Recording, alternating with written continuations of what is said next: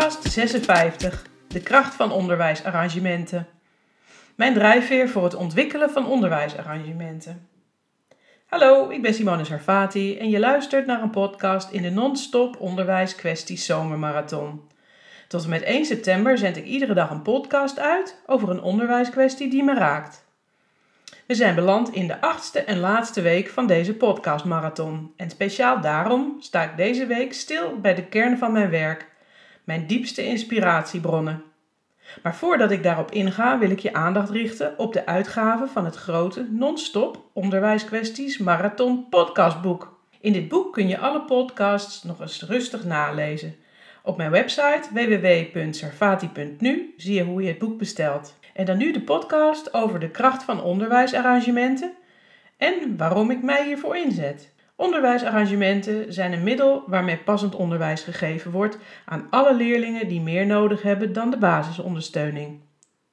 In de loop van de tijd heb ik er al veel over gesproken, maar voor het overzicht wil ik nog eens kort op een rij zetten waarom ik geloof in het ontwikkelen van onderwijsarrangementen en hoe die in mijn optiek bijdragen aan passend onderwijs. Eerst nog eens mijn uitgangspunt. Passend onderwijs staat voor goed onderwijs. Ik zie het dus niet als hype door de invoering van een wet, maar gewoon als onderwijs dat is afgestemd op wat leerlingen nodig hebben. Deze redenering volgend is een onderwijsarrangement, dus een onderdeel van dat aanbod, dat helpt bij de afstemming van onderwijs aan leerlingen die meer van het onderwijssysteem vragen dan in de basis is geregeld. Er is dus niets speciaals aan, maar het vraagt wel meer expertise om de aansluiting bij deze leerlingen te kunnen realiseren. Onderwijsarrangementen maken het mogelijk dat alle ondersteuning die nodig is voor een leerling georganiseerd wordt aangeboden. En wat ik hiermee bedoel, is dat als duidelijk is welke ondersteuning nodig is, dat deze navolgbaar wordt gegeven.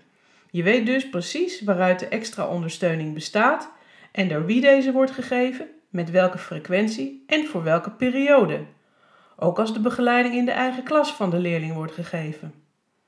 Dit hoeft wat mij betreft allemaal niet zo ingewikkeld te zijn, vooral niet eigenlijk, want dat houdt het overzichtelijk als er specifieke arrangementen nodig zijn voor leerlingen. Met mijn werk wil ik af van het gevoel van gedoe of werkdruk als een leerling meer of iets anders nodig heeft dan een standaard aanpak. Als we het aandurven, betekent dat misschien dat we het werken met onderwijsarrangementen anders moeten gaan organiseren om alle leerlingen een afgestemd aanbod te kunnen geven, zonder dat de leraren erbij neervallen. Nu is het te vaak nog zo dat als er meer nodig is voor een leerling, wel toeters en bellen gaan klinken, maar een passende aanpak door verschillende redenen niet kort en krachtig voor elkaar komt. Het traject van behoefte vaststellen en via een aanvraagprocedure naar het samenstellen van een onderwijsarrangement verloopt in de praktijk soms nog wel wat stroef, want er zitten een paar scharnieren die niet altijd gesmeerd zijn. Ten eerste is er de professionaliteit van de leraar die om hulp durft te vragen. Dit vereist moed en communicatie met de leerling, zijn ouders en, als die erbij zijn betrokken, intern begeleiders of zorgcoördinatoren. Ten tweede is er de pro- en reactiviteit van de intern begeleiders of zorgcoördinatoren. Hebben zij verstand van uiteenlopende onderwijsvragen en onderwijsbehoeften? Hebben zij weet van de procedures om op een efficiënte manier de benodigde hulp bij de leerling en zijn leraar te krijgen? Ten derde is er het loket waar deze hulparrangementen verdeeld worden.